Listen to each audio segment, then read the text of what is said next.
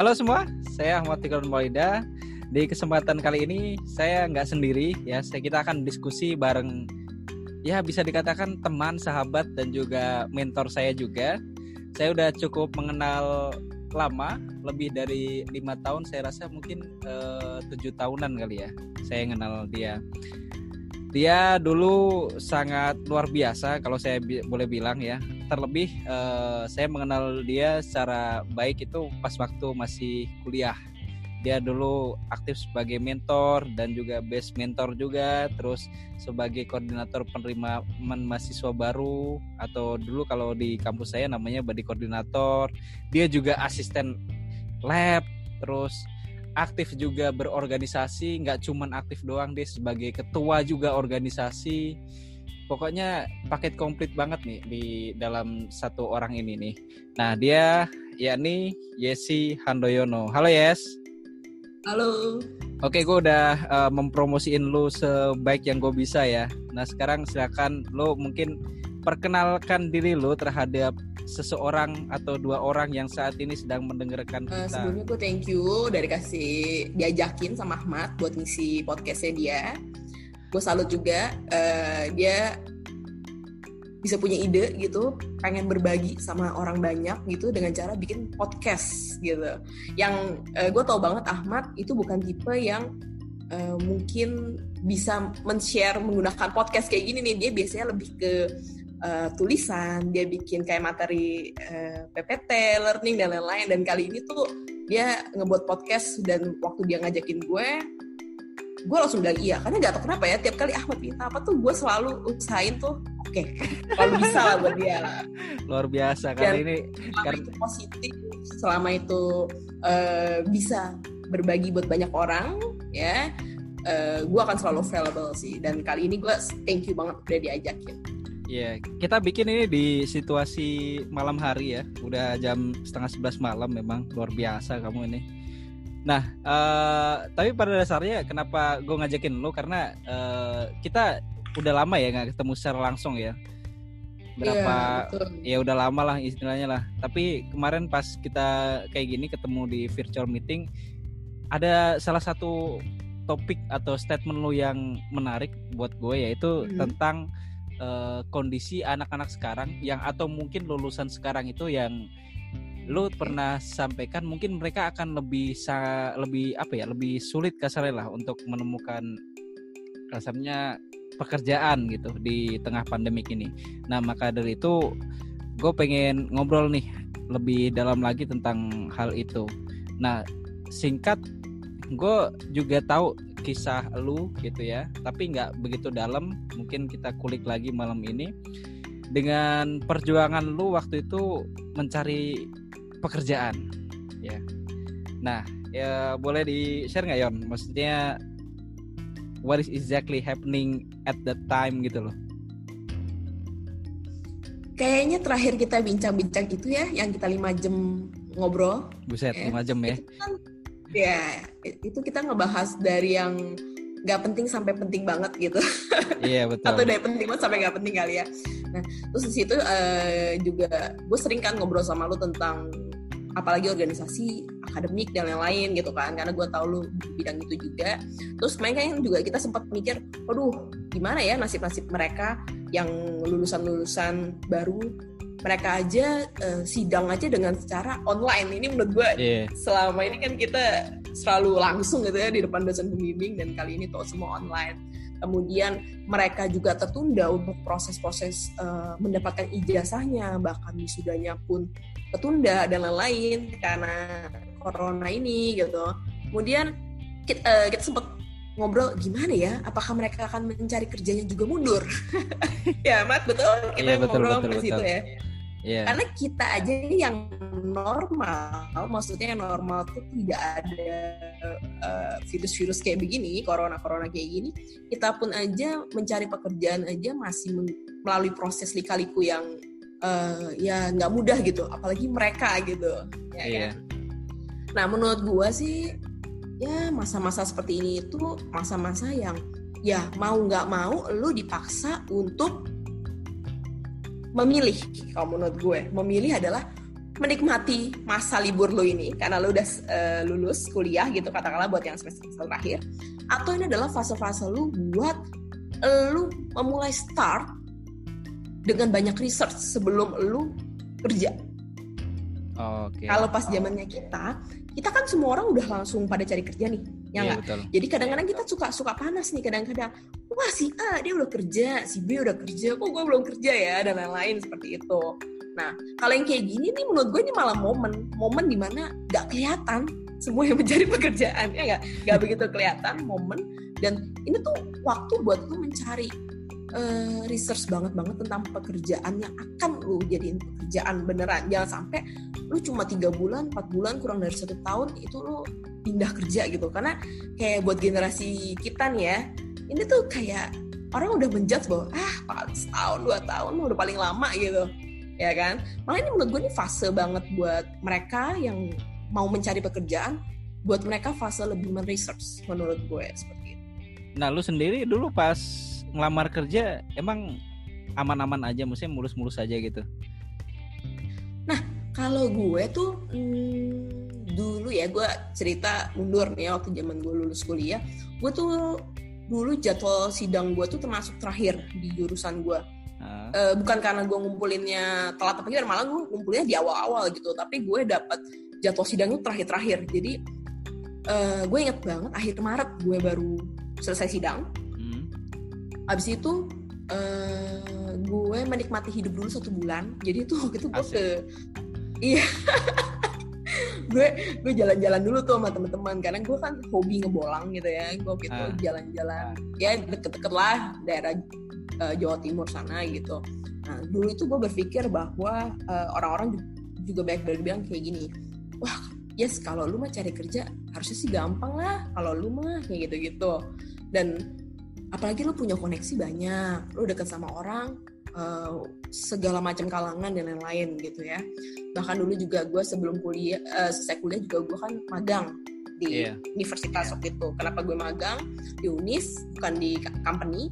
Karena gue masih punya beban moral sebagai terakhir tuh gue sebagai ketua organisasi gitu. Asik. dulu tuh gue tegas banget gitu. Buat anak-anak yang magang gue gak uh, untuk di organisasi gue gue pengen gak ada anak magang. Karena menurut gue gue butuh yang fokus 100% begitupun ketika gue harus memutuskan untuk gue magang dan gak magang di, uh, sedangkan kewajiban untuk gue sidang gue menurunkan segala harapan dan ego gue dan gue memilih untuk di universitas itu.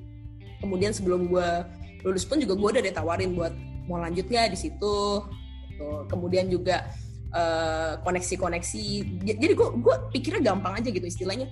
Oke okay, gue kuliah dulu uh, lurus-lurus aja istilahnya. Koneksi uh, organisasi dan lain-lain termasuk oke okay lah. Gue positif aja gitu. Gue mikir orang positif sama gue masa gue gak positif sama diri gue gitu kan. Sebulan gue menikmati menikmati hidup dulu lah ya jalan-jalan gitu. Kemudian gue pulang.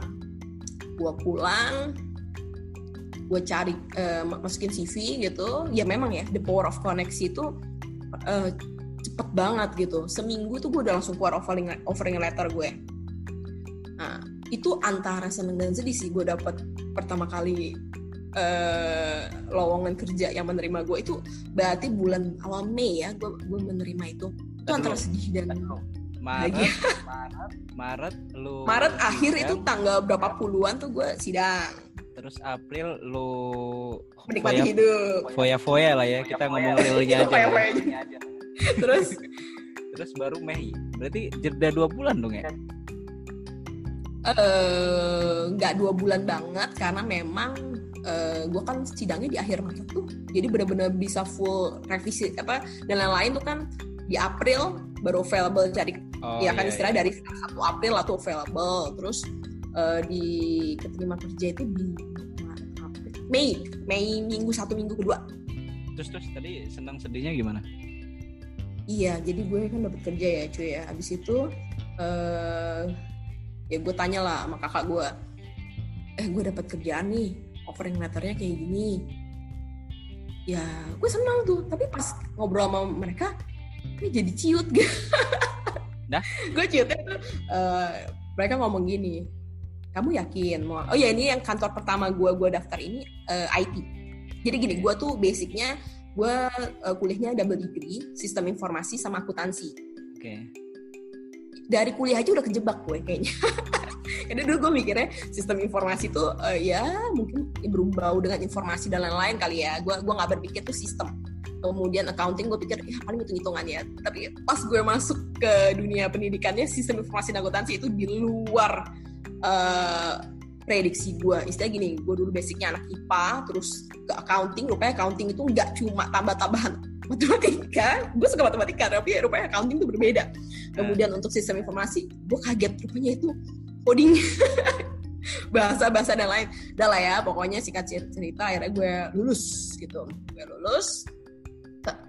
Kuliah juga pengorbanannya banyak banget tuh di kalikunya pokoknya abis itu gue daftar ke IT consulting terima dari consulting gue nanya sama kakak gue kakak gue ngomong lu yakin? Ambil. Itu di kontrak loh dua tahun. Itu belum permanen loh belum tentu permanen. Lu masih bisa diperpanjang lagi. Lu yakin? Ini uh, gross loh belum net. Ini lu nggak disediain uh, facility lo maksudnya. Lu device laptop lu harus ready sendiri. Kemudian parkir lu kendaraan pun gak ke cover dan lain-lain. Banyak lah pokoknya. Yang di mana tuh dihitung-hitung tuh buset dah. Netnya itu gue rasa Loh, tapi buat ukuran fresh grade itu tuh angka fresh grade. Oh, gitu. jadi dulu kan gue suka tanya-tanya ya e, berapa sih pasaran dan lain-lain gitu. Ya pasarannya segitu dan yang gue dapetin segitu sebenarnya. Tapi memang setelah gue hitung net net dan perhitungan dan lain-lain tuh nggak masuk lah. Alhasil uh, kakak gue ngomong kayak gini udahlah lu coba cari-cari dulu yang lain. Lu kan baru nganggur berapa lama berapa baru bentar lah gitu kan. Terus abis itu ya udah gue memutuskan untuk tidak menerima itu. Yang di mana sebenarnya gue juga nggak enak ya cuy. Karena itu kan uh, rekomendasi juga tuh dari salah satu gitu. alumni organisasi gue lah dia yang yang bantuin gue masuk kayak gitu. Tapi ya gue mikir ini untuk ke depannya. Gue ya udahlah gak gue ambil dulu gitu. Terus habis itu udah langsung dapet yang diidamin atau ada oh, enggak lah? Sebenarnya sih gini ya uh, kalau gue mau asal cepet dapet mungkin cepet. Tapi kalau gue mau cari yang terbaik uh, menurut gue gue harus cari sih kalau yang terbaik itu maksudnya gini kategori terbaik itu menurut gue beda-beda tiap orang. Ada yang dikasih sama Tuhan di awal udah langsung terbaik. Ada yang mungkin dia harus uh, melangkah berapa langkah baru lu dapat yang terbaik gitu ya kan? Nah kalau yang gue ini gue termasuk yang melangkahnya nih banyak kayaknya buat dapetin yang terbaik gitu. Nah next dari itu gue daftar kerja gue masukin ke beberapa lowongan banyak lah ya. Tapi gue memang punya target. Gue punya target adalah seperti ini uh, minimal tuh tiap minggu gue harus kepanggil interview lah. Gue harus ke kantor. Hmm. gue punya punya punya seperti itu. Jadi gue selalu uh, masukin masukin. Dan dan gue tuh bingung. Gue bingungnya apa?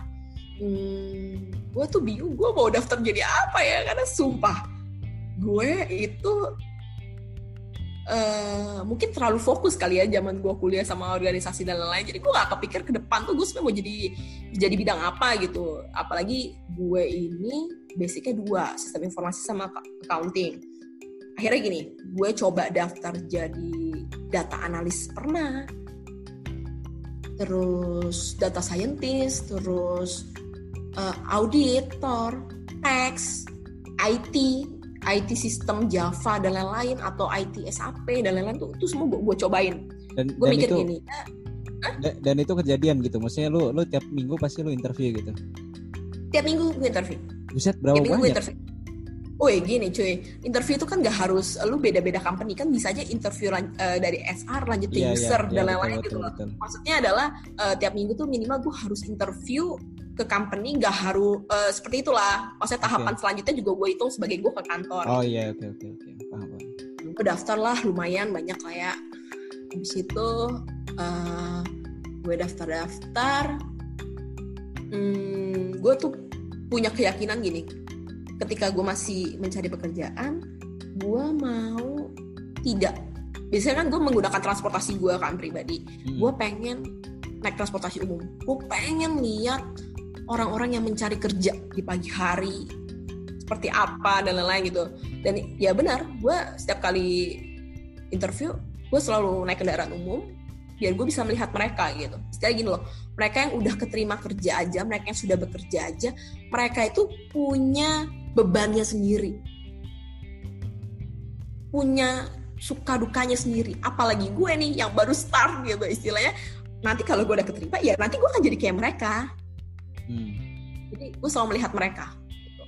Habis itu gue daftar-daftar cari-cari, lumayan lah ya. Gue akhirnya uh, sempat interview di salah satu startup Men yang dulu tuh gue pengen masuk situ pengen banget karena menurut gue kayaknya kerjanya enjoy kerjanya itu anak muda banget gitu ya nggak kaku nggak apa uh, nyebut nama nih gak gak lah ya gak usah lah ya inisial aja misalkan apa Tokopedia atau Bukalapak atau apa gitu nggak apa-apa uh, ya pokoknya ya, yang yang mulai aja dulu gitu. Oke, okay, siap. Uh, terus? Oke, okay. gue daftar tuh ya, gue daftar interview eh daftar uh, kalau nggak salah gue daftar via web atau apa gue lupa uh, siang gue daftar sore gue udah dihubungin gitu istilahnya lu lanjut ke SR Oke, okay, gue lanjut ke ke SR Senin. Uh, abis itu gue SR uh, meeting eh interview sorenya udah dikabarin lagi gitu loh lu lanjut ke tahap berikutnya cuma memang jedanya uh, agak lama ya seminggu kalau nggak salah. Hmm. uh, inian. Datang lagi ke kantornya lagi tuh tahap kedua sama, sama user. Oh ya udah. Uh, selesai gitu. Berapa hari kemudian dikabarin untuk minggu depan interview lagi. Interview mulu. Sama user. Buset dah. Uh, ya dan karena gue tuh ngerasa wah ini responnya positif banget loh di startup ini. Gue cepet banget teman-teman gue yang daftarnya bareng atau yang mereka pernah di situ aja mungkin nggak secepat gue atau apa gitu kan. Hmm. akhirnya gue juga nggak jadi nggak nggak daftar daftar kerja lagi gitu. Karena kan hampir tiap minggu gue udah keluar kan ke company company itu kan. Meskipun yeah. gue ada daftar juga di beberapa company gitu. Terus habis itu uh, interview lagi yang keempat itu gue dikasih tugas. Dikasih tugas. Waktu itu gue daftarnya sebagai data scientist gue dikasih tugas hampir 20 ribu data ya atau ya Excel lah ya row-nya tuh hampir belasan ribu lah tuh buat gue ngolah data itu menjadi sebuah informasi. Dan waktu gue ngelamar kerja itu gue selalu ngebrowsing nih yang mau gue daftar ini apa bidangnya. Dan untuk menjalani bidang itu tuh gue harus perlu apa? Waktu gue daftar data scientist oh berarti gue statistikanya harus kuat nih. Berarti gue harus pakai harus tahu tools toolsnya yeah. R atau apa. Pokoknya gue apa gue hampir lupa lah tuh sistem sistemnya gue coba pelajarin. Jadi saya ketika kita interview uh, lu tuh nggak mentah. Yeah. gitu. Oh ya gue mau tambahin. Bedanya lu kalau lu zaman kuliah punya bawaan organisasi itu benar-benar poin plus banget waktu lo interview. Istilahnya selalu pertanyaannya tuh berulang kayak kayak gini sih. E, apa yang kamu lakukan pas saat kamu kuliah oke ntar kita bahas itu di belakang Iya dan, dan lain. Jadi menurut gue itu poin plus banget ya. Yeah. nah udah tuh interview ke empat tuh ya yang gue dapet tugas gue kerjain dua minggu gue nggak dapet respon. Dua minggu gue nggak dapet respon gue follow up lagi nggak respon lagi. Ah gue udah udah udah udah ini udah udah udah udah serem aja nih apa apa hasil gue kurang bagus apa gimana. Nah itu gue mulai dasar lagi tuh kerja ke yang lain kan. Gue sempat interview di hmm, daerah Manggarai. Pernah tuh gue interview di Manggarai. Interview di Manggarai company ya kantornya bukan gedung ya. Menurut gue tuh kayak kan, kayak kayak kayak rumahan gitulah ya waktu itu. Gue daftar di sana terus dikasih dikasih uh, soal. Ya udah kerjain kerjain dan lain-lain. Kumpulin lagi. Terus gue pernah juga di daerah Cawang. Pernah daerah Duren Kalibata. Pernah oh. daerah pernah daerah Cempaka Putih. Lo berarti kira-kira berapa banyak yang interview dulu itu berapa banyak kira-kira kayaknya company yang benar-benar nginterview itu ada 10 deh kalau nggak salah. 10? Tapi yang tuh, tapi yang gue sebar itu lebih lah ya berapa puluh. Oke. Uh -uh. 10 yang ke 11-nya dapat baru gitu. Mungkin sebel ya sebel sebelasan lah ya dapat gitu. Udah kan? Karena karena gue gini loh, gue tuh rata-rata tuh masuk ke tahap-tahap next nextnya. Oh iya. Jarang yang yang yang di awal stop gitu jarang, lanjut biasanya. Cuma biasanya selalu eh, nggak beruntung di akhir. Kenapa nggak beruntung di akhir? Karena itu eh, yang gue mau nggak sesuai dengan yang mereka bisa provide ke gue. Jadi istilah gini loh, eh, lu kakak gue pernah ngomong, lu mampu kok, lu bisa kok harusnya buat dapetin yang lebih dari yang lain gitu. Dia kan, gue tanya berapa angka gue gitu istilahnya, angka fresh grade itu sekian. Dia ngomong gini, lu kalau cari kerja, cari apa, jangan lu lihat orang, lu lihat diri lu selama lu kuliah, lu kira-kira wajib dinilai berapa? Gue gue waktu itu kan hopeless ya, gue banget, gue gak ngerti berapa nih nilai gue gini gini gini. Gue kan belum punya pengalaman, gue kan belum punya, gue kan baru lulusan S1 dan lain-lain gitu kan. Terus sempet lah dia nyeletuk, ya minimal sekian lah. Anjir gue kaget. Itu menurut gue dua kali lipatnya uh, fresh grade lah ya. Wah, gue gue bilang gila itu supervisor kali itu ini kali. Enggak, lu bisa. Di situ gue mikir gini, anjir mereka anggap gue bisa, tapi kok gue nggak pede ya dengan angka itu gitu. Nah, itu waktu gue, uh, gue interview interview gitu, rata-rata mereka itu ada yang ngomong gini, kamu masih lulusan baru loh, kamu yakin uh, mengajukan angka sekian gitu untuk kamu uh, bekerja di sini? Kamu masih lulusan baru loh, kayak gini gini gini. Nah di situ tuh kadang-kadang gue mulai ciut, tapi gue tidak boleh menampilkan ciut dong istilahnya sama mereka ya gue bilang ya ya gue gue kasih gue kan ngelampirin ya CV gue terus beberapa penghargaan dan lain-lain gitu uh, tapi dia bilang nggak masuk kalau angka segini nih kami. Rata-rata tuh lebih lebih kayak gitu. Cuma gini lah maksud gue kalau memang nggak masuk ya udah. Tapi kadang gue kesel itu kalau ada yang kamu yakin? Kamu lulusan baru? Maksud gue gitu kalau nggak mau nerima ya udah nggak usah nerima gitu. Tapi lu jangan Nah. jangan Nah, kan seperti itu. Tapi jujur sih itu ngebuat Iya. kita jadi mentalnya jadi kasah banget sih. Tinggal lu pilih lu mau down atau lu mau bangkit gitu kan. Nah, itu menarik sih. kadang gue juga kenapa-napa? Nah, itu juga menarik sih. Nah, pada dasarnya sebenarnya eh, kalau fresh grade itu nentuin angka tinggi sah-sah aja gak sih menurut tuh? menurut gue sah-sah aja. Cuman lo harus sesuaikan dengan kemampuan. Kedua eh, tujuan lo. Tujuan tuh bener apa enggak? Nah nanti deh itu gue akan akan ceritakan. Karena gue pada akhirnya gue merasa bahwa kesalahan tuh ada di gue maksudnya akhirnya gue menemukan gitu kan kesalahannya tuh di mana. Nah taruh next abis itu gue eh, suka dapat feedback kayak gitu akhirnya gue tuh ngomong sama kakak gue istilahnya kadang menyalahkan mereka juga. Tuh kan bayangin mana ada sih company yang mau nerima gitu kan eh, angkanya sekian gitu gitu. Gitu terus ya dia dia bilang lu harus pede lu harus ini gitu. Nah gue eh, coba lagi sempat ke daerah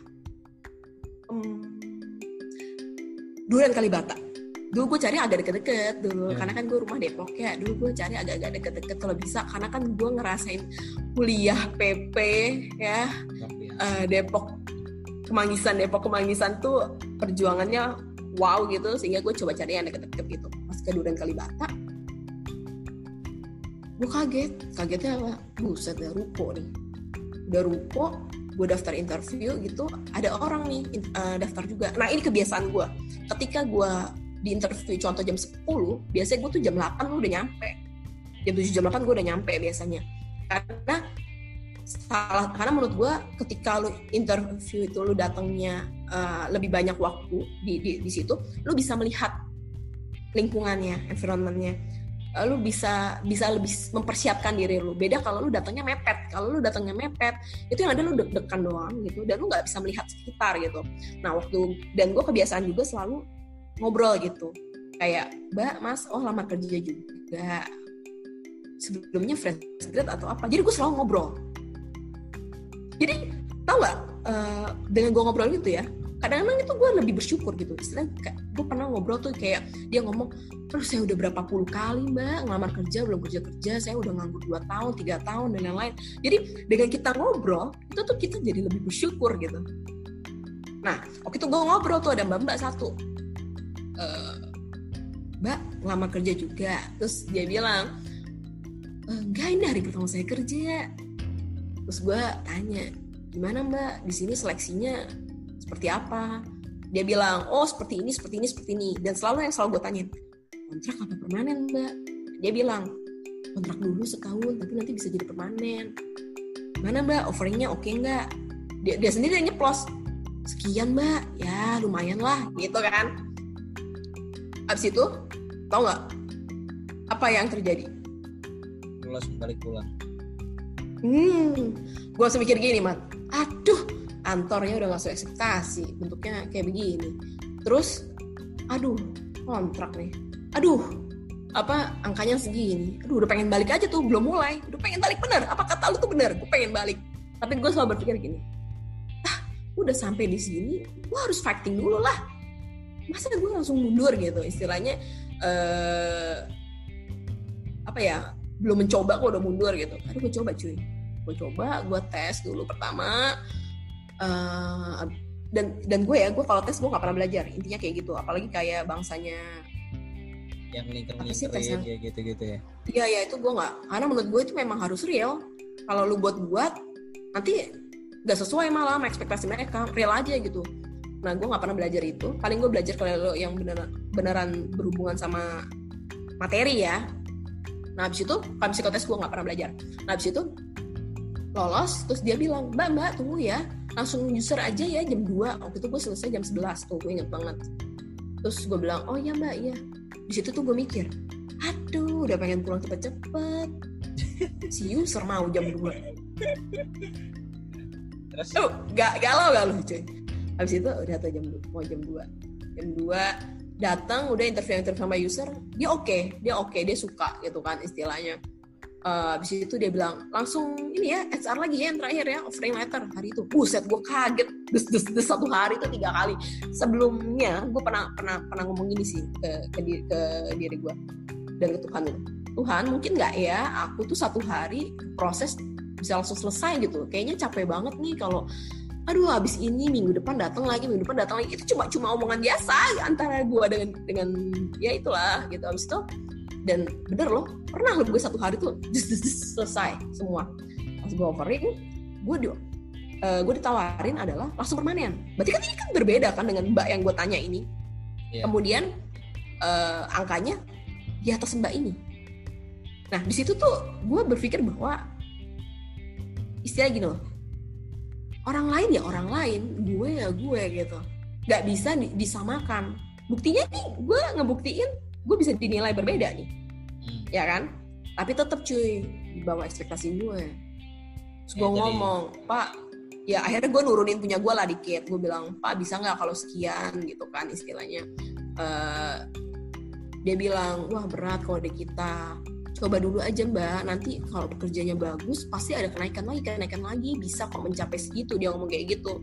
Gue ngomong lagi Pak bisa nggak kalau sekian? Bapak coba dulu. Kalau saya sebulan dua bulan kerjanya nggak sesuai nggak beres nggak sesuai ekspektasi. Keluarin saya saya langsung keluar Pak. Nggak usah pakai apa-apa saya langsung keluar. Oh gue ngomong kayak gitu cuy. Anjir. Nah, di situ ya terakhir-terakhir akhirnya dia bilang kita akan ngomongin dulu sama direksi. Nanti saya email deh. Yang kayak gitu. Udah lagu pulang pulang. Dan tiap pulang tuh ya gue sudah ditanyain tuh. Gimana, gimana deh gitu? Iya, itu tuh mungkin gini loh, mungkin uh, keluarga atau orang tua tuh pengen nanya kabar doang, tapi kadang-kadang jadi gue jadi sensitif gitu ya.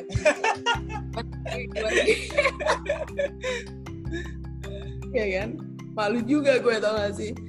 Uh, abis itu gue kok belum dapat kabar-kabar ya yang startup. Gue follow up lagi gue follow up lagi. Eh dapat nih dia bilang interview terakhir final final interview yang kelima cuy. Itu uh, si startup ini gue berarti sekitar satu setengah bulan sampai dua bulan lah ya. Itu sekitar April Mei Mei Juni sampai Juni awal itu gue sama si startup itu. Prosesnya ya karena prosesnya lumayan panjang. Abis itu gue tanya-tanya nih gimana ya gue gue selalu googling gimana ya kalau tahap terakhir dan lain-lain. Rata-rata pada ngomong lolos lah kalau tahap terakhir mah formalitas lah dan lain-lain. Seperti itu gitu. Yeah. waktu gue interview juga istilahnya uh, oke okay gitu. Orangnya memberikan pertanyaan dan gue setiap kali memberikan jawaban dia selalu bilang wah saya saya, saya sampai nggak kepikir loh dengan jawab uh, jawabannya bagus kayak gini jadi gue melihat bahwa responnya bagus. Bahkan dia selalu bertanya e, kapan nih siap kerja? Kapan nih? Jadi kan ya gimana ya? Iya. Ya ya ini saran juga ya buat yang para interviewer yang lain bagi orang-orang yang sedang melamar kerja itu adalah mereka-mereka yang sedang ingin mencari peluang untuk masa depan gitu. Istilahnya tolong kalau enggak ya enggak. Iya ya iya. Jangan terlalu PHP-in gitu ya. Itu yeah. sakit banget sih udah ya pokoknya gue selesai final interview udah gue tinggal nunggu kabar. Itu juga juga lumayan lama sekitar seminggu dua minggu gue baru dapat jawaban setelah gue follow up follow up setelah gue follow up follow up lu bayangin follow up follow up Nah, sembari itu gue juga daftar lagi kan cari, uh, cari cari yang lain. Cuma istilahnya selama gue di startup itu ya, karena gue di prosesnya oke-oke, gue nggak begitu gesit cari cari yang lain gitu. Setelah uh, si startup itu sudah ada hasil, barulah gue coba lah lumayan banyak gitu kan. Nah, terus uh, hasilnya adalah katanya belum cocok cuy. Asik. Belum nah. cocok tuh sama si startup. Wah gila. Istilah tau gak? Patah hati gue. Langsung. Langsung itu menurut gue tuh adalah fase gue paling down sama gue cari kerja. Menurut gue itu fase paling down. Karena menurut gue gue udah ngabisin banyak waktu. Gue udah setiap kali ditanya gimana deh gue selalu bilang responnya oke. Okay. ya gini-gini doain ya moga-moga lanjut. Responnya oke okay, gitu. Istilahnya kayak gitu nah itu gue gue down banget. Gue down banget. Ingat banget gue pulang itu tuh eh nggak pulang juga sih karena itu kan diinfoin pas gue udah di rumah ya. Pokoknya itu itu hari menurut gue gue langsung langsung down lah ya sedown downnya ya. Makan juga males gitu dan dan itu juga fase di mana gue berantem. Sama, sama Tuhan. Okay. sama Tuhan. Itu adalah fase gue berantem sama Tuhan wah pokoknya tuh gue gara-gara itu tuh gue ah kacau lah kacau lah. Gue gue inget banget tuh seminggu gue baru bisa bangkit tuh seminggu. Titik itu baliknya apa yang...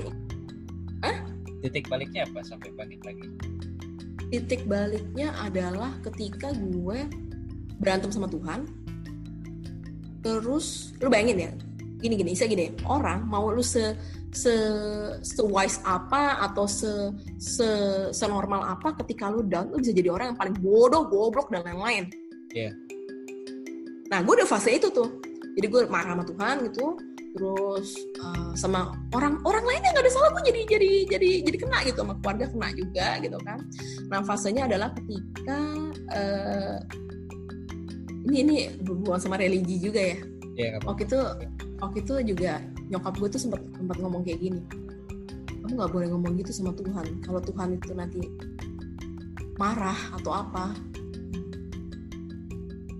Ya pokoknya janganlah jangan ngelukain Tuhan lah. Kamu kan nggak tahu yang kamu terima ini memang mungkin rencana Tuhan atau apa gitu kan bukan hal yang yang yang buruk gitu.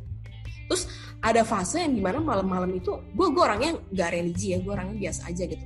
Gue itu dengerin YouTube. Uh. gue dengerin YouTube berbau-bau religi kayak gitu sama ada ada ada lagu lagu, lagu gereja yang yang yang gue denger dan saat gue denger tuh gue nangis minta ampun. Banget jadi gini loh gue nggak pernah denger tuh lagu tapi ketika lo denger tuh lagu itu lo kesentuh dan rasanya kena banget gitu kayak lo kesentil gitu. Itu uh, kayak gini nih gimana ya? Judulnya tuh yang tangan Tuhan sedang merenda suatu Pokoknya apalah, pokoknya itu gue hafal yeah, banget tuh iya. dulu ya. dulu ya. Dan, dan gue kena itu gue nangis, gue cari di, di Google, gue cari di Google judulnya, ya. Abis gue cari di Google, gue baca tuh satu uh, uh, satu kata per kata lah ya, istilahnya dari lirik itu, ya kan? Dan dan itu kena banget. Istilahnya gini ya, ini ini gue gak pakai nyanyi karena gue gak bisa nyanyi. Secara kata-kata tuh kayak gini apa yang kamu alami kini mungkin tak dapat engkau mengerti. Nah, pas banget kan gue kan nggak ngerti dengan posisi itu.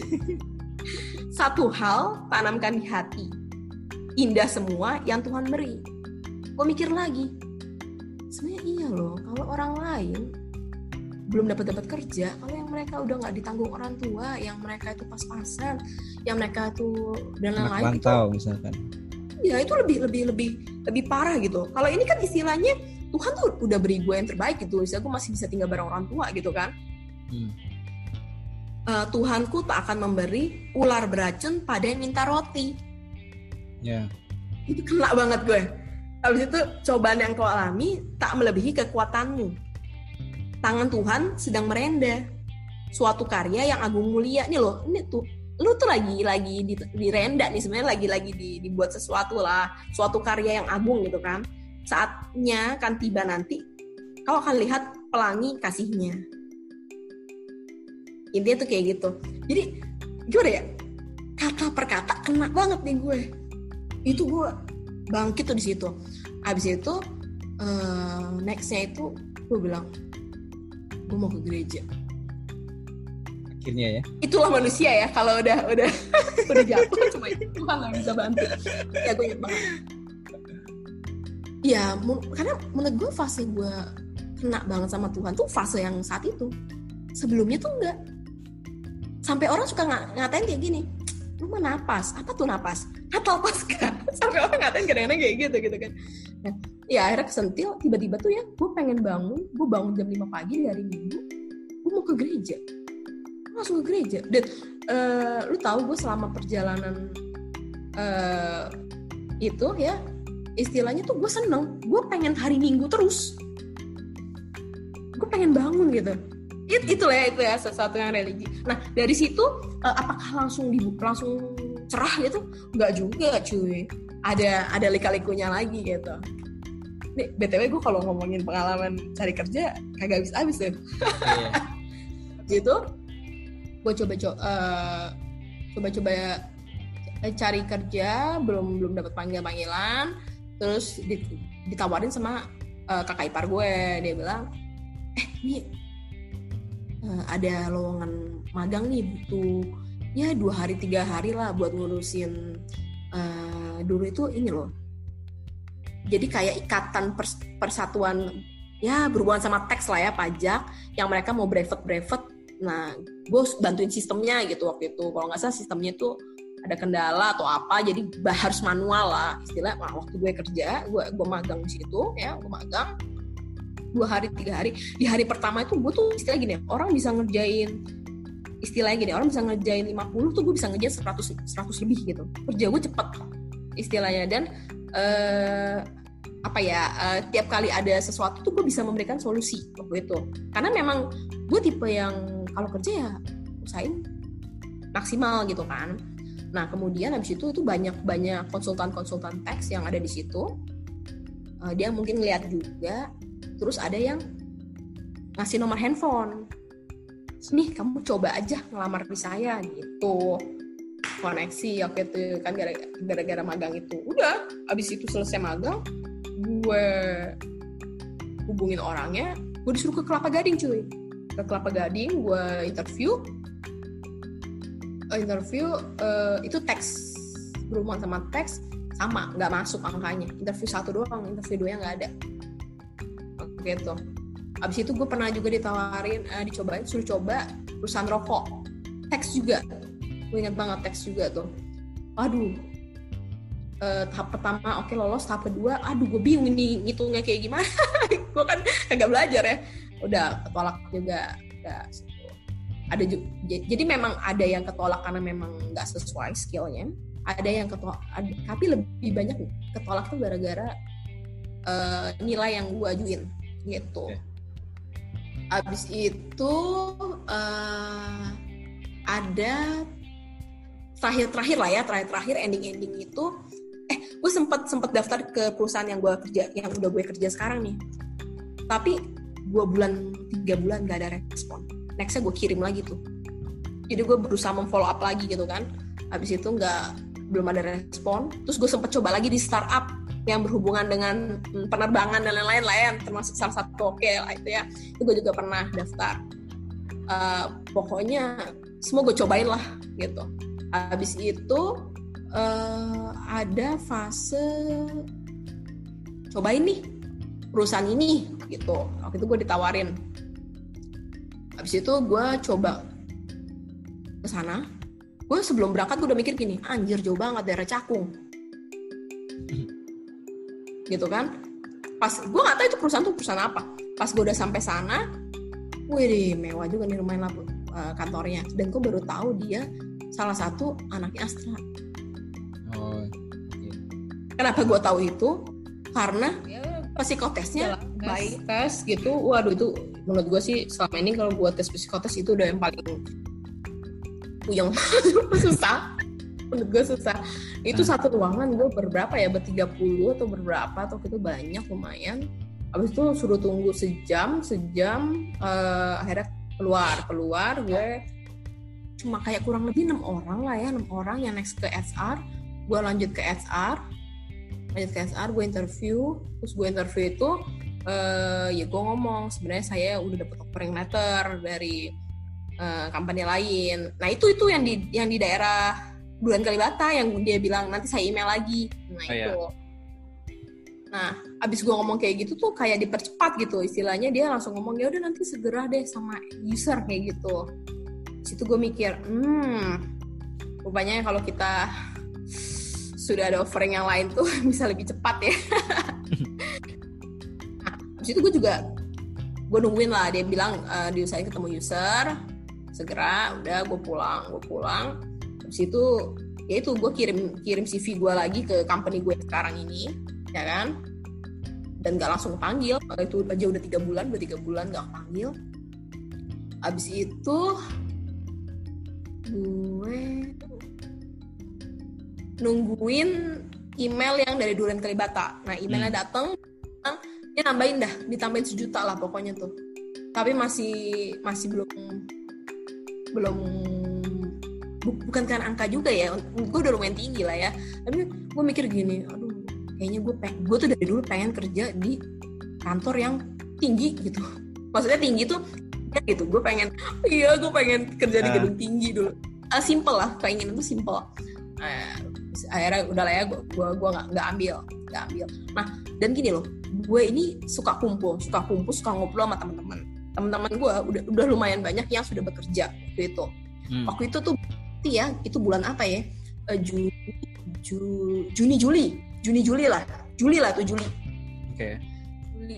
Lu gue sering kumpul uh, dan gue ingat Agustus gue wisuda. Hmm.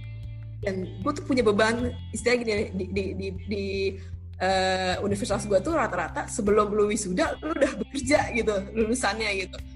Belum ada ada ada ada rasa gimana juga. Ini gue mikir ada juga tuh gue kuliah capek-capek juga nggak sekedar kuliah doang gitu istilahnya. Uh, banyak lah kegiatan yang lain kok gue belum ya? Kayak gitu-gitu. Orang kok dulu beranggapan uh, lu pasti bisa lah lu pasti cepet lah kok gue susah banget ya dilema gue apa gue yang salah di gue apa gimana? Nah setelah gue ngobrol-ngobrol sama temen-temen itu feedbacknya banyak. Banyak banget. Menurut gue ya ketika lu terpuruk ketika lu uh, lu harus bertemu dengan orang lebih dari satu orang untuk bisa bantu menguatkan lu. Menguatkan tuh gini loh. Ya kasih feedback sesuatu gitu loh. Nah gue sering kumpul gitu mereka tuh ada yang ngomong bahwa udahlah kita masih lulusan baru kita masih ini itu mah udah oke. Okay lu banyak maunya sih gini gini gini. Nah bila aja. Ada ada ada ada ada orang kayak gitu. Hmm. ada juga orang yang yang ngomong bahwa hmm, emang lu udah nunggu berapa lama sih? Gue bilang kan ya dua minggu nih dua minggu atau sebulan gitu. Terus dia bilang ya lah itu mah masih masih masih masih bentar. Gue tuh dulu pernah loh dua bulan waktu gue di company yang sekarang dan lain-lain. Nah yeah. kan ketemu dengan banyak orang kita jadi bisa bersyukur gitu. Ya kan? Ada juga yang bilang bahwa ya mungkin lu S2 aja kali atau gimana? Lu cocok juga jadi dosen gini-gini bla bla bla. Jadi banyak banget. Nah tapi gue ingat banget ketika temen gue ngomong itu baru bentar ya dulu tuh gue beberapa lama tuh dua bulan baru kepanggil untuk keterima di perusahaan gue yang sekarang. Mungkin aja ada orang yang yang keterima nanti kalau orang yang keterima itu nggak ada lu kan bisa menggantikan seandainya seperti itu. Ya kan? Kan nggak selalu kita tuh yang ngelamar tuh kan banyak nggak selalu uh, mudah langsung nomor satu tuh kan kalau perusahaan-perusahaan gede tuh banyak penyaringannya. Dia dia ngomong kayak gitu. Ya udah gue gue mulai semangat dan lain-lain habis itu uh, gue kepikiran buat nggak bisa nih. Gue kalau kayak gini terus gue harus punya batas. Kapan gue terakhir uh, cari kerja nih? Nextnya itu pekerjaan terakhir gue harus ambil. Gue gue bikin timeline waktu itu. Gue bikin timeline 6 bulan lah. 6 bulan aja tuh menurut gue setengah tahun nganggur tuh capek banget menurut gue 6 bulan waktu itu gue bikin timeline 6 bulan. Terus uh, terakhir-terakhir gue pikir kayak gue butuh refreshing. Nah gue gue mikir gue pengen pergi jalan-jalan yang deket dulu. Waktu itu gue ke Malaysia sama ke Singapura. Uh, gue pengen beli barang di sana nanti gue jualan di Jakarta. Karena gue pikir-pikir itu buat ngilangin ngilangin pikiran gue ngilangin beban gue ngilangin stres gue biar gue ada kegiatan. Jadi gue belanja gue nyampe Indo gue jual. Gue gue berpikir seperti itu ya kan? Tiba-tiba pas gue di bandara mau penerbangan flight malam gue jam 9 flight gue malam. Jam 8 tuh gue di uh, email sama yang Astra. Itu gue udah udah tahap-tahap. Astra tuh berapa kali ya gue ya ke sana ya? Pertama kedua ketiga sama kedua ketiga keempat kali lima kali gue ke sana juga sama cuy sama iya karena kan di sana ada FGD juga ada interview iya betul. interview. dan tahap terakhir tuh sampai sama BOD-nya iya. uh, tinggi banget deh uh itu juga lumayan panjang tuh. Itu kalau nggak salah gue mau interview keempat. Empat masih ada tahapan empat lima sama medical check up iya yeah, terakhir medical check up ya kan? Eh, itu dicangkung tapi bukan Astra ya anaknya Astra. Alat berat itulah pokoknya. Nah habis itu eh, gue pas di bandara gue dapet email itu. Uh senengnya minta ampun. Istilahnya ini terjawab gitu waktu gue kumpul bareng teman-teman dan teman gue bilang lu baru baru sebulan ya atau apa gitu. Masih ada peluang kok masih ada peluang. Nah, itu tuh gue langsung bersyukur. Akhirnya apa? Gue nggak jadi niatan untuk belanja lalu jualan di di, di Indonesia gitu. Gue ke sana bener-bener liburan belanja pulang itu semua ya oleh-oleh gue bagi-bagiin aja. Gue nggak jualan dia. Karena gue mensyukur gitu kan. Akhirnya gue pulang tuh gue, gue udah udah ya itu pas gue mau berangkat aja tuh orang pada ngomong kayak gini nih teman-teman gue ada juga yang ngomong gila lu ya udah nganggur malah jalan-jalan. Iya malah malah kayak kayak gitu gitu kan. Nah habis itu udah gue pulang gue pulang uh, eh sebelum gue berangkat ya itu gue tuh rupa kepanggil juga nih sama yang company gue sekarang gue lupa tuh jelasin ke company gue yang sekarang. Jadi pas pulang gue interview dari Astra yang pertama itu eh, yang kedua ya kalau nggak salah malam-malam jam 8 malam gue lagi makan tiba-tiba gue dapet email. Dapet email uh, interview pagi jam 10 eh uh, makan gue langsung nggak enak cuy. Langsung nggak enak. Uh. rasanya langsung nggak enak. Rasanya langsung nggak enak terus uh, gue ke kamar.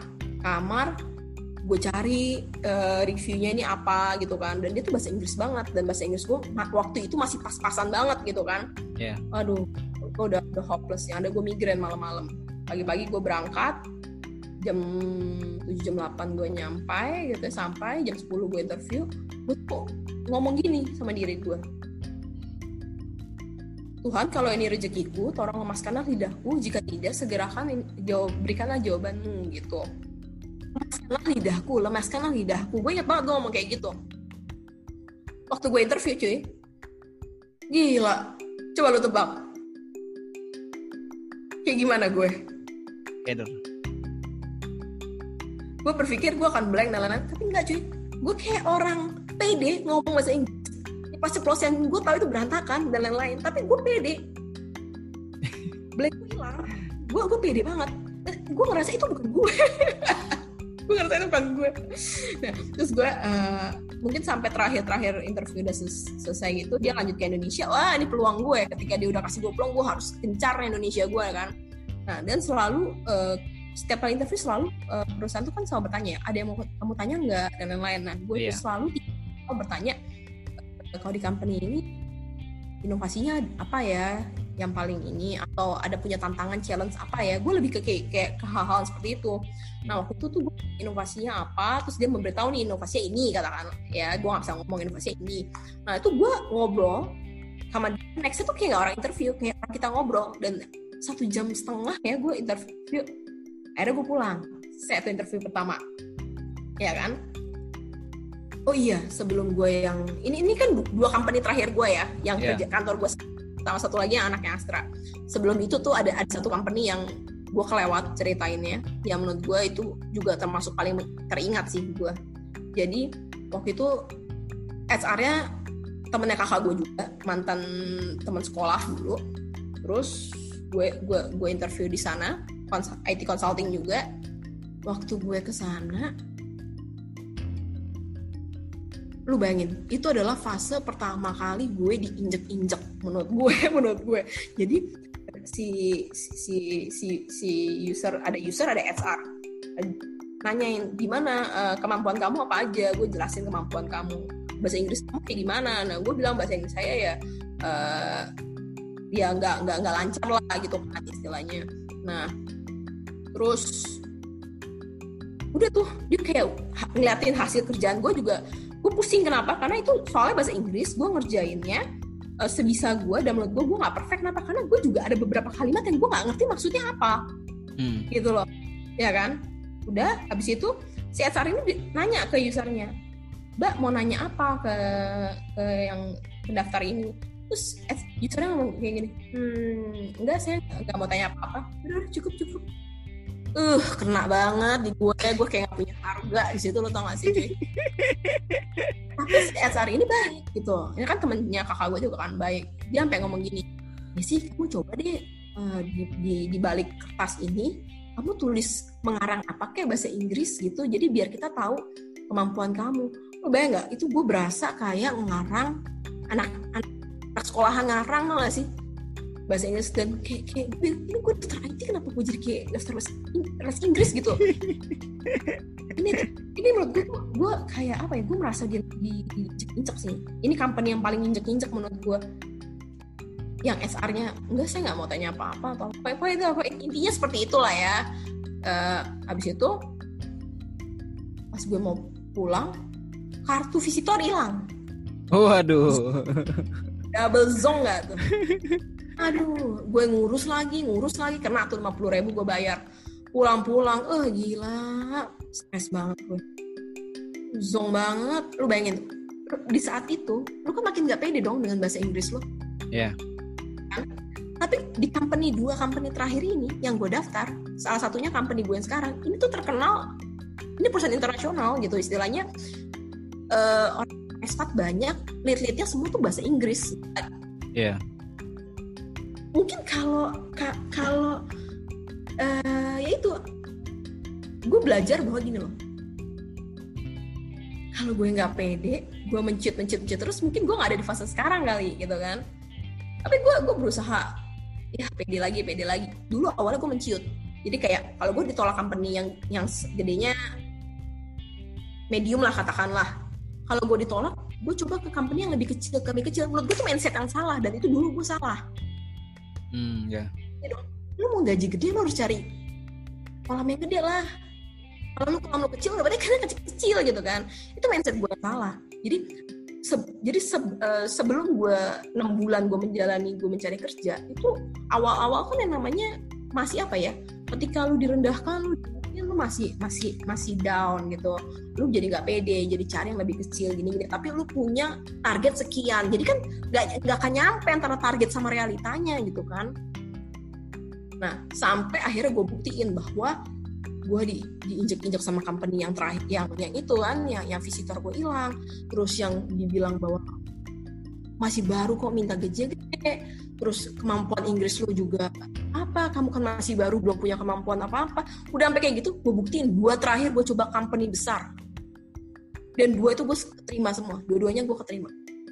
Tapi sebelum keterima itu ya itu ada satu fase yang menurut gue tuh menarik. Apa Jadi, itu? uh, gue dapat invitation interview lagi ya yang yang di Cakung itu.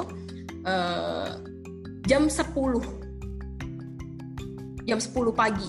Itu adalah hasil res reschedule dari yang pas gue berangkat ke, ke Malaya sama Singapura. Gue reschedule. Kayak tiba-tiba company gue yang sekarang interview keduanya di tanggal yang sama di jam yang sama. Lu bayangin mantep nggak tuh? Nggak mungkin hasil reschedule lu reschedule lagi. Dan company gue kan terkenal kalau lu reschedule lu kagak bakal panggil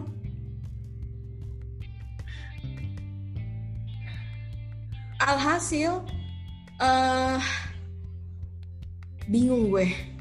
Bingung gue mau balesin emailnya tuh kayak gimana ke yang company gue sekarang gitu. Istilahnya bentrok nih jam 10 itu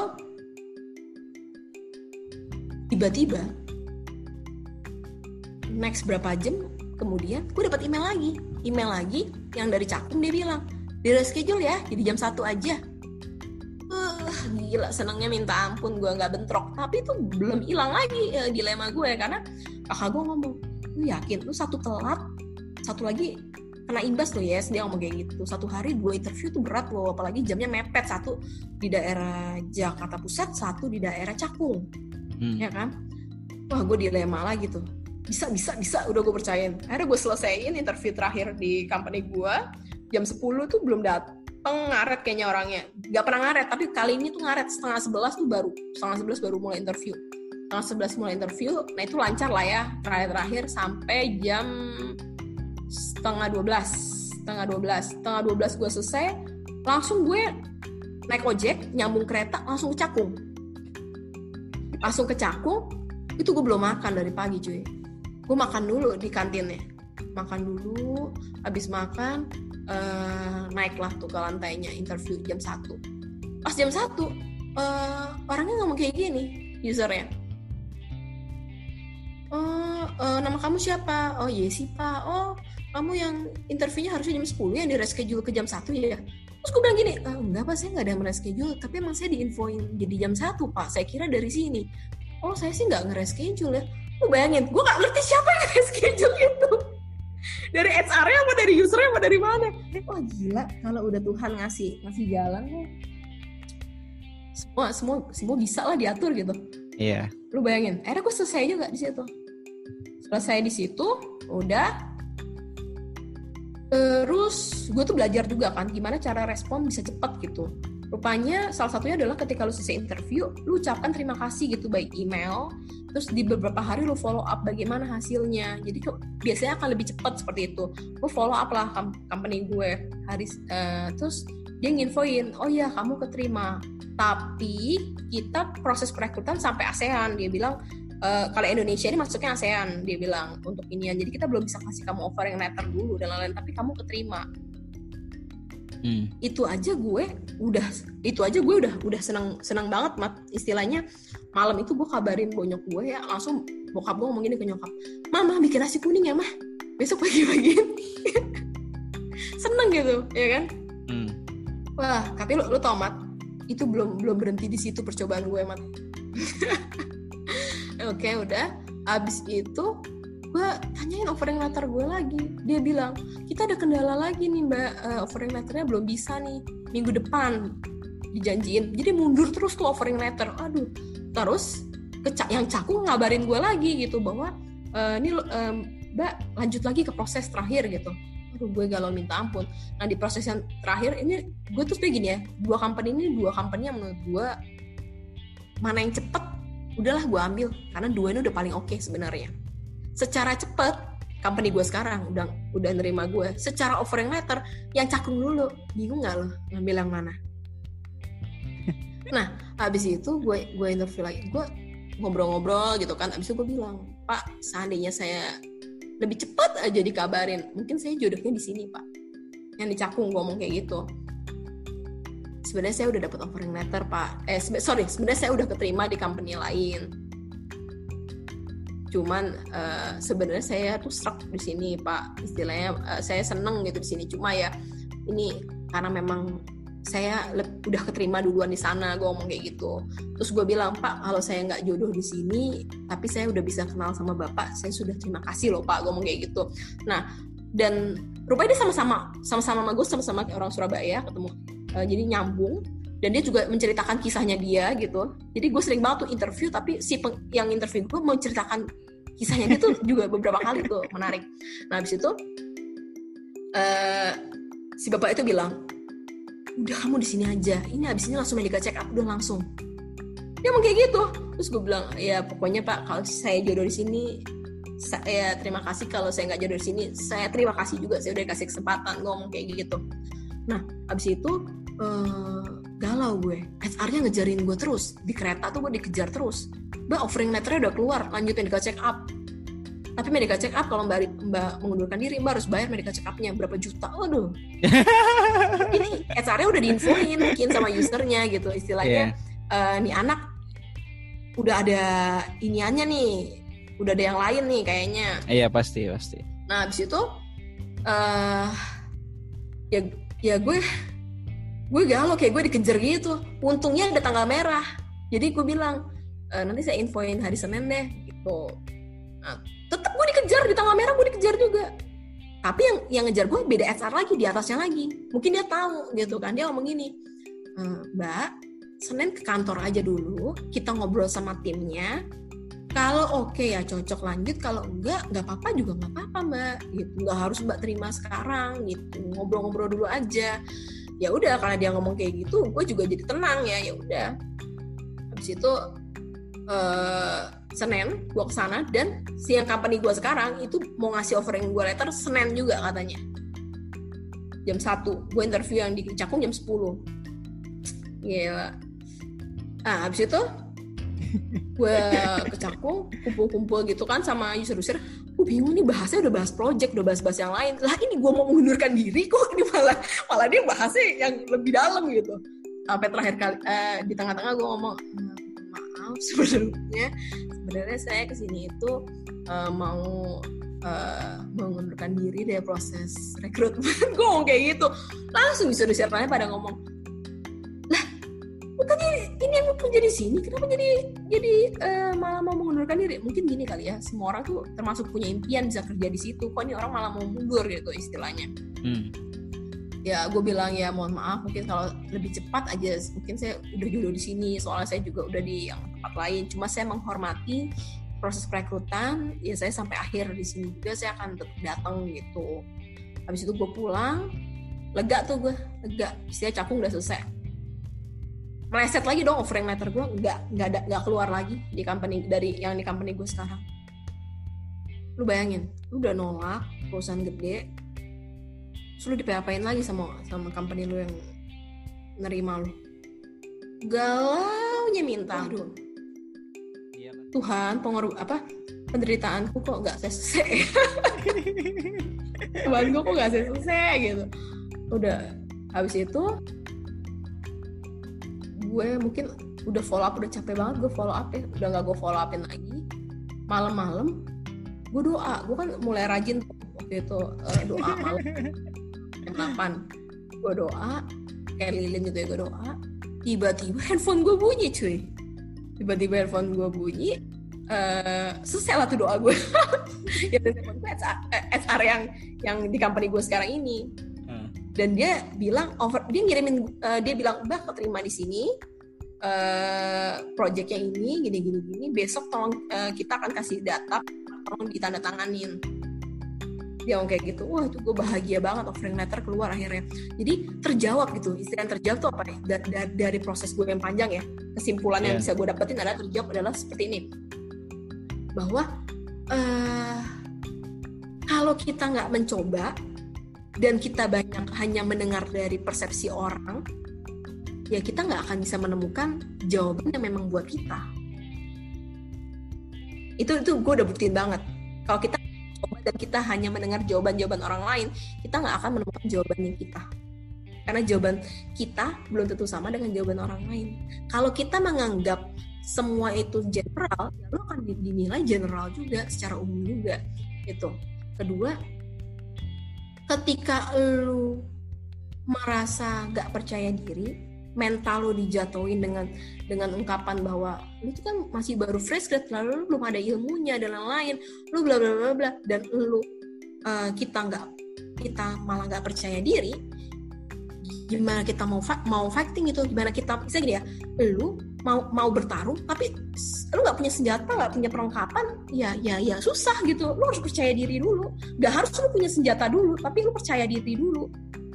Ya kan? Istilahnya tuh kayak gitu. Nggak harus lu punya senjata tapi lu harus percaya diri dulu. Ya, bambu runcing aja menang cuy. Ya percaya, gak? percaya diri pun itu senjata kan? Betul. Menurut gue tuh senjata yang ini percaya diri. Kemudian uh, uh, kita harus melihat seberapa kita punya nilai. Nilai itu harusnya berapa? Dan ketika lu punya nilai itu, lu punya komitmen itu, lu bikin timeline. Lu harus punya target. Makanya kan gue selalu bilang kan, kayak gue pengen tiap minggu gue ada target, gue harus uh, interview. Atau gue, gue punya target angka sekian. Atau gue punya target nganggur maksimal berapa target itu nggak harus terpenuhi. Maksud gue gini loh contoh gue pengen kerja sebelum uh, gue selesai uh, sebelum gue wisuda. Tapi kalau memang jawabannya memang belum ya udah. Bukan berarti lu fail kan?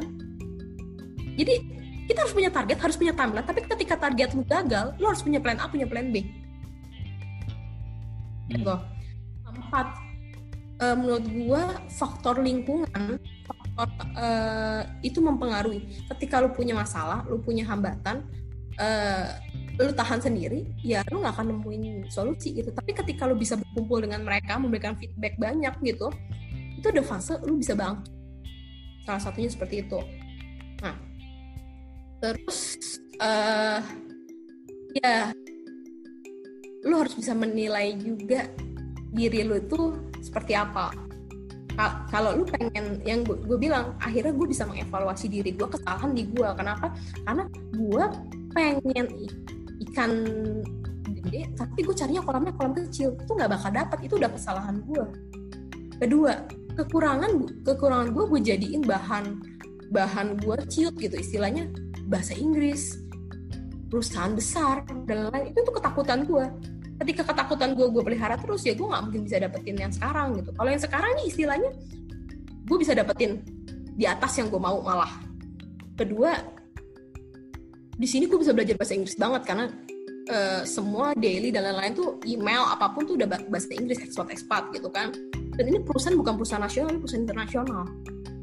Dan, dan gue, gue akhirnya gue berpikir lagi bahwa kalau gue nggak ngelewatin perjalanan sepanjang ini mungkin gue nggak bisa bercerita dengan banyak orang. Mungkin uh, dan mungkin kalau gue nggak ngelewatin sepanjang ini gue nggak mungkin ditegur atau deket sama Tuhan kalau gue nggak melalui perjalanan seperti ini mungkin gue akan uh, apa ya akan akan ini ya apa terlalu percaya diri malah jatuhnya. Jadi jadi uh, ya kalau kayak gini kan tuh uh, jadinya kita mawas diri. Ya yeah. seperti itu. Dan dan adanya adanya yang gue sekarang bisa lakukan maksudnya dengan dengan gue udah melewati proses itu semua gue sering sharing gue sering sharing uh, ke banyak orang kenapa? Gue pengen orang itu ketika mengalami kegagalan dalam dia mencari pekerjaan atau dan lain-lain itu dia bisa cepat bangkit. Bisa cepat bangkit dia bisa bisa melihat dirinya dulu kesalahannya di mana apa yang bisa diperbaiki. Jadi istilah gini loh kalau kita bertarung tapi e, caranya sama terus ya kita nggak akan nggak akan dapat jawaban jadi pernah ada orang yang nanya gini. Kalau kita coba 50 kali minimal satu kali kita pasti keterima ya. Terus gue jawab kayak gini ya nggak juga. Kalau 50 kali dengan cara yang sama di 50 kali ya lu fail juga. Lu main game. Cara lu sa salah terus sama terus dan ya lu pasti fail. Jadi uh, gini nyoba berkali-kali tapi lu harus punya patternnya lu harus harus lihat mana yang harus lu ubah mana yang harus lu evaluasi. Yeah. kalau lu cuma melakukan hal yang sama terus ya nggak ada hasil gitu. Udah gantian pak. Menariknya gini sih uh, apa namanya dari cerita lo ada pertanyaan besar di kepala gue ya nih kan sekarang nih kondisinya lagi nggak ideal nih lagi pandemik. Nah uh, pertanyaan yang pertama adalah uh, kapan waktu yang tepat untuk kita bisa negosiasi dengan idealis kita? Atau justru idealis itu tetap harus dipertahankan gitu? Itu yang pertama. Idealisnya kayak gimana ya maksudnya? Idealis misalkan uh, oke okay, gue udah ada apa namanya pattern bahwasanya nilai gue segini gitu. Oke. Okay. itu salah, salah satu contohnya. Atau misalkan uh, eh, gue pengen perusahaan ABCD itu aja gitu misalkan atau uh, posisi ABCD doang gitu sama yang hmm. kedua uh, nah itu mungkin ini ya enak ya enak dalam artian untuk orang-orang kayak kita kan lo tadi udah mention juga kan kayak misalkan pengalaman organisasi lah dan lain sebagainya di kampus itu benar-benar menunjang lah. Nah hmm. kalau misalkan uh, kita katakanlah ada pendengar yang dia itu nggak beruntung nggak tahu hal itu ketika dia masih hmm. kuliah dia tahu akan hal itu penting ketika saat ini nih sekarang dia udah mau dinyatakan uh, sudah lulus dan tinggal yeah. next stepnya dia cari kerja nah itu uh, gimana gitu ada saran nggak untuk orang-orang tersebut gitu yang mana ada pasti apa namanya masa perkuliahan dia nggak seberuntung kita sadar betul akan pentingnya organisasi atau bahkan justru nggak berkesempatan ya untuk hmm. terlibat aktif seperti yang kita lalui dulu lah gimana tuh? Yang pertama dulu silakan. Yang pertama dulu menurut gua kalau ditanya kapan waktunya dari sekarang tuh udah waktunya harus start untuk lu uh, memah memahami gitu lah. Lu pengen kerja di bidang apa? Dan katakan lu udah tahu nih pengennya di bidang ini A. Ya lu cari nih company-companynya yang cocok di bidang itu tuh apa? Contoh nih contoh hmm, audit. Pengen kerja di jadi auditor. Ya lu harus tahu nih company-companynya yang yang yang lu pengen itu apa? Lu lihat oh ada big four. Oh ada company-company yang gak big four juga yang oke okay, ini ini. Lu list dulu. Lu list lu lihat nih kira-kira requirementnya uh, mana nih yang cocok. Kalau ada yang nggak cocok ya elah dari 10 requirement kalau ada yang nggak cocok tiga atau lima mah bukan berarti lu langsung ke kick. Enggak itu kan cuma requirement nanti tuh realitanya tuh nanti fightingnya tuh pas kita interview. Jadi ini nih kadang yang salah nih ketika kita uh, lamar kerja requirementnya banyak kita satu aja beda udah ciut. Nah itu tuh yang salah. Pede dulu aja masukin dulu aja. Lalu kalau ngerasa bahwa aduh IPK gue sekian nih kayaknya gue nggak mungkin bisa dan lain-lain gitu. Ini ya IPK itu dibilang penting nggak penting ya sebenarnya penting. Penting penting juga? Jadi gini dia itu istilahnya kunci menuju uh, interview. tempat interview. Tapi apakah itu hasil hasilnya ditentukan dari IPK enggak. Gue bilang enggak. Itu tuh gimana ya? Buat daya tarik lu dulu gitu loh. Kayak hmm. kayak lu nih daya tariknya kan sebelum lu tau makanan itu enak kan dari penampilannya dulu dong. Dari rating. Nah IPK tuh kayak rating menurut gue jadi apakah makanan yang nggak ada ratingnya itu nggak enak? Nggak juga. Kapan orang bisa tahu itu eh, kualitasnya? Ketika dicobain. Tapi ketika itu ditampilkan packagingnya itu bagus, ratingnya bagus, orang kan akan lebih lebih menarik untuk untuk mencobain itu loh sebenarnya menurut gue pasal IPK. Nah di, di perusahaan gue sekarang pun aja tuh gue merasa bahwa banyak juga kok. Di perusahaan gue tuh minimal tiga setengah, IPK minimal tiga setengah tapi apakah ada yang di bawah tiga setengah yang bekerja? Banyak juga. Banyak juga sebenarnya. Buktinya mereka bisa masuk. Hmm. Itu IP, IPK.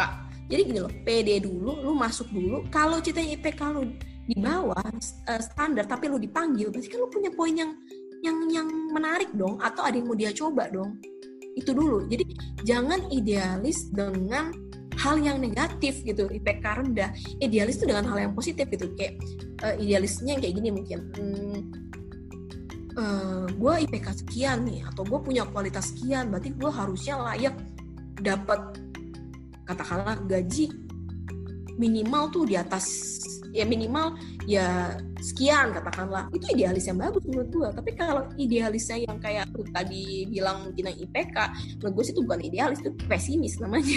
Nah kalau yang contoh kayak tadi yang menentukan nilai gitu kapan kita apa ya kasarnya dealing dengan hal itu atau bisa negosiasi dengan hal itu? Karena kan sekarang ini lagi uh, apa namanya nggak tepat nih waktu untuk ya bisa kita katakan tepat kenapa nggak tepat? Karena kan di PHK-in kan.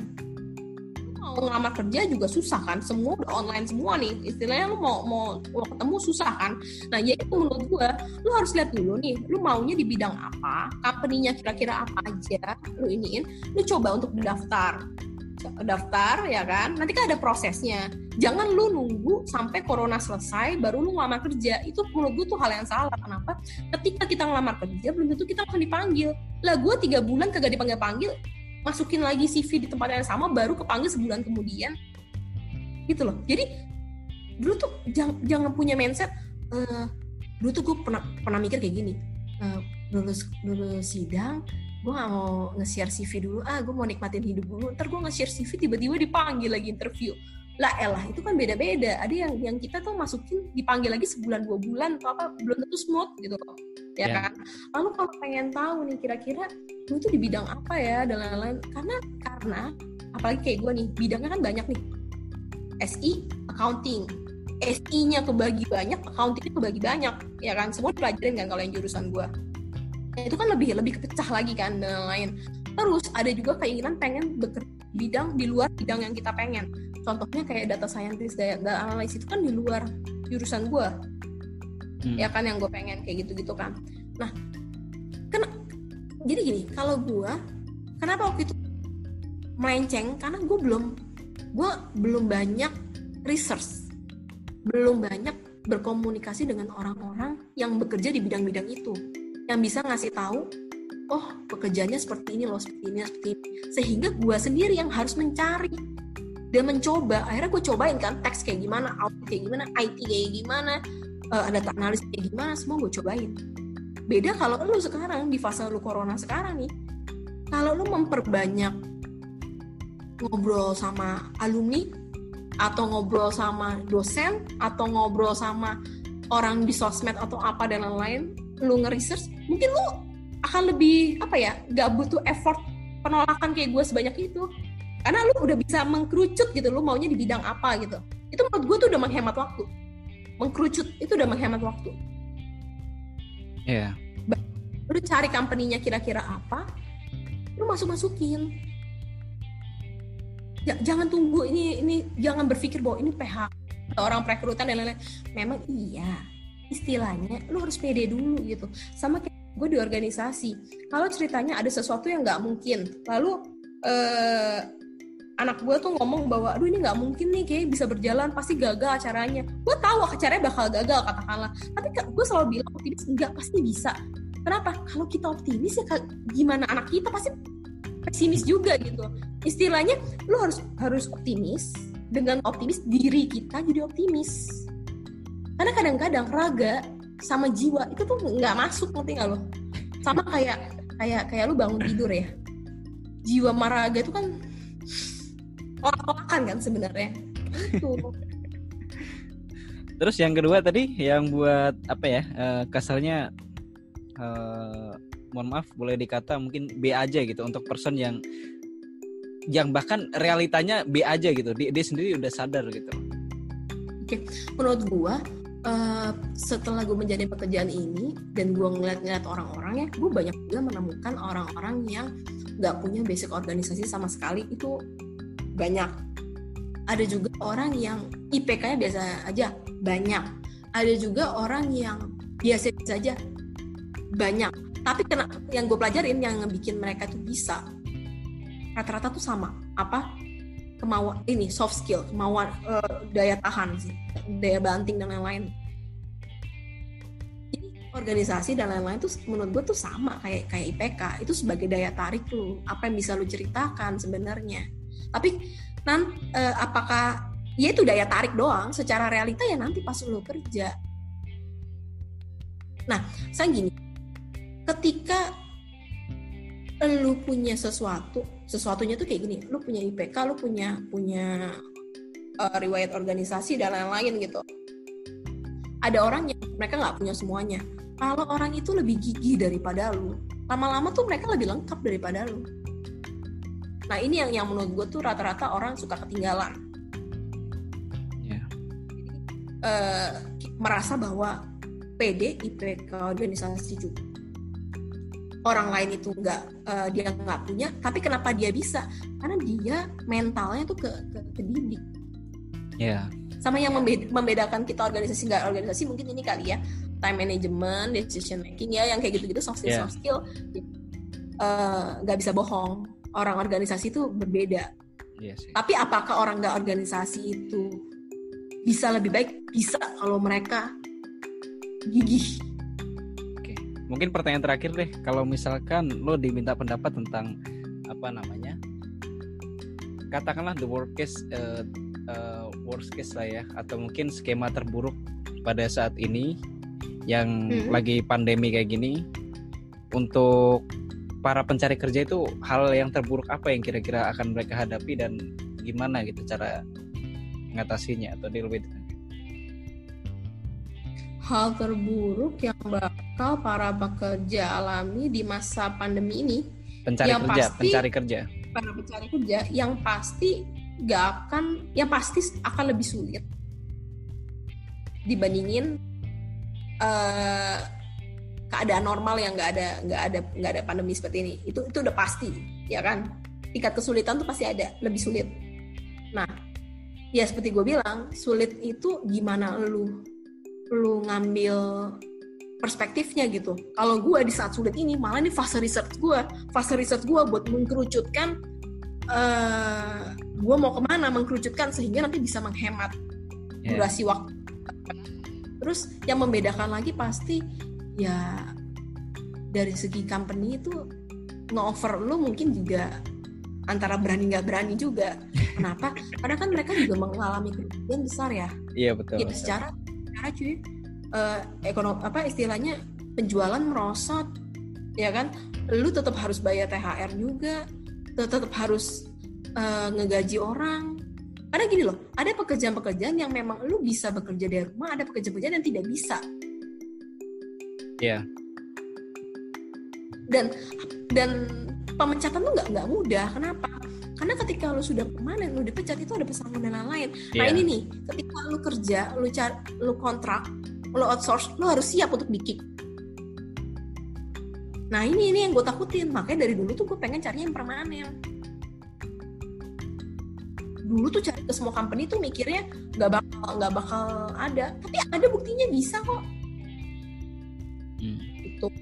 Itu Nah, kemudian apalagi, apalagi yang membedakan yaitu dari sulitnya mencari, kedua dari segi offering mungkin nggak akan se semudah normal keadaan ya kan. Kemudian hmm, saingan tuh makin banyak. Kenapa saingan tuh makin banyak? Karena istilahnya gini, yang PHK itu juga bersaing untuk cari kerja lagi. Oh iya. Ya kan? Yang ke PHK itu saingan lo lagi kan sebenarnya. Dan lama-lama kan ke hold nih. Kan gini orang kan ada yang bisa lulus kuliah kan ada yang tiga setengah ada yang empat tahun kan. Istilahnya jadi jadi jadi gabung semua. Yeah. prosesnya. Karena kan ada company-company yang yang berani untuk pandemi ini merekrut memproses. Ada juga yang dia mengepulin di terakhir. Ada juga. Ya kan? Terus ya itu sih. Kalau yang gue lihat kesulitannya lebih ke lebih ke situ. Nah mungkin kalau ini ya, uh, gimana gimana? Tapi ya di di fase-fase kayak gini ya gue ngeliat orang makin kreatif loh jadi yeah. ketika masalah-masalah kayak gini lu nggak kreatif ya lu akan ketinggalan. Gue ngeliatin ya banyak banget company-company yang perusahaannya memproduksi apa sekarang jadi memproduksi apa Iya. Yeah Iya, iya dong. Yang, yang dia memproduksi, sorry, contohnya dia memproduksi baju uh, tekstil atau apa. Sekarang memproduksinya jadi uh, masker dan lain-lain gitu kan, alat perlindungan diri dan lain-lain gitu kan. Terus ada juga orang yang uh, jadi ngebikin apa masker-masker uh, baru ya kan dari kain terus bikin kayak dari alkohol sanitizer ya kan yang kayak gitu-gitu yang mereka tuh sebenarnya nggak punya basic itu. Iya, ya yang, dulu kan yang... kita bikin orang yang bikin gitu orang IPA orang lab. Realitanya enggak kreatif yeah. itu nggak bikin gitu jadi jadi bis jadi bisa gitu. Ya nggak sih? Iya banyak emang. Jadi, yang tadinya B2B sekarang B2C pun banyak. Ketika lo kreatif, lo akan menghasilkan sesuatu. Ketika, lo nggak kreatif ya lu akan akan akan akan dalam kondisi yang yang yang yang seperti itu dan kalau dalam pandemi lu uh, menyerah ya lu kan di fase yang jatuh. Lu tinggal pilih lu mau fase jatuh fase ya udah jalan aja di tempat tempat yang jalan atau fase lu malah meningkat. Oh karena gini loh juga orang-orang yang di, dihubungkan dengan adanya corona. Itu ada loh zoom zoom ini salah satu aplikasi yang karena corona sahamnya tinggi uh, dan penggunanya jadi banyak banget loh. Iya. yeah. Iya kan dan lain-lain jadi gimana kita ngubah mindset kita sih oke okay. main di pikiran di mindset mungkin kali ini benar-benar terakhir ya uh, eh, yeah. kalau ada satu hal yang paling penting banget yang gue bisa pelajari dari Yesi dalam konteks pencarian kerjanya itu apa? Waduh, apa pelajari dari gue? Gue kayak biasa-biasa aja. Hmm, gigih sih. Menurut gue harus gigih, gigih harus ya? tahan. Ya. menurut ya setelah gue melihat diri gue kalau gue dulu nggak tahan banting sih mungkin gue sekarang ada di ada di company biasa. Yang di mana mungkin adanya pandemi ini kayak gue di PHK kali ya? Di kali ya? Eh, iya cuy iya dong. Iya iya iya. Karena kan gue gue kerja itu dua tahunan ya. Mungkin aja gue di company yang kecil gue masih kontrak terus gue dikontrak lagi terus sekarang mungkin gue lagi mikirin loker cari cari kerja. Mungkin gue lagi stres kali ya sekarang. Ya mungkin kayak gitu kali ya. Iya ya, benar, benar, penting. Gini pepatah itu udah udah udah paling benar bersakit-sakit dahulu bersenang-senang kemudian. Kalau lu bersenang-senang kemudian ya lu sakit di kemudian. Pada dasarnya kayak gitu. Oke. Okay. oke okay, yes. Thank you banget buat diskusinya ya. Semoga hmm saya yakin yeah. sih bukan semoga lagi sih saya yakin ini akan banyak banget manfaatnya buat siapa pun yang denger ya terkhusus yang sedang cari kerjaan oke okay? amin amin thank amin. you juga Ahmad dikasih kesempatan boleh kolaborasi siap anytime yeah. okay. yeah. bye bye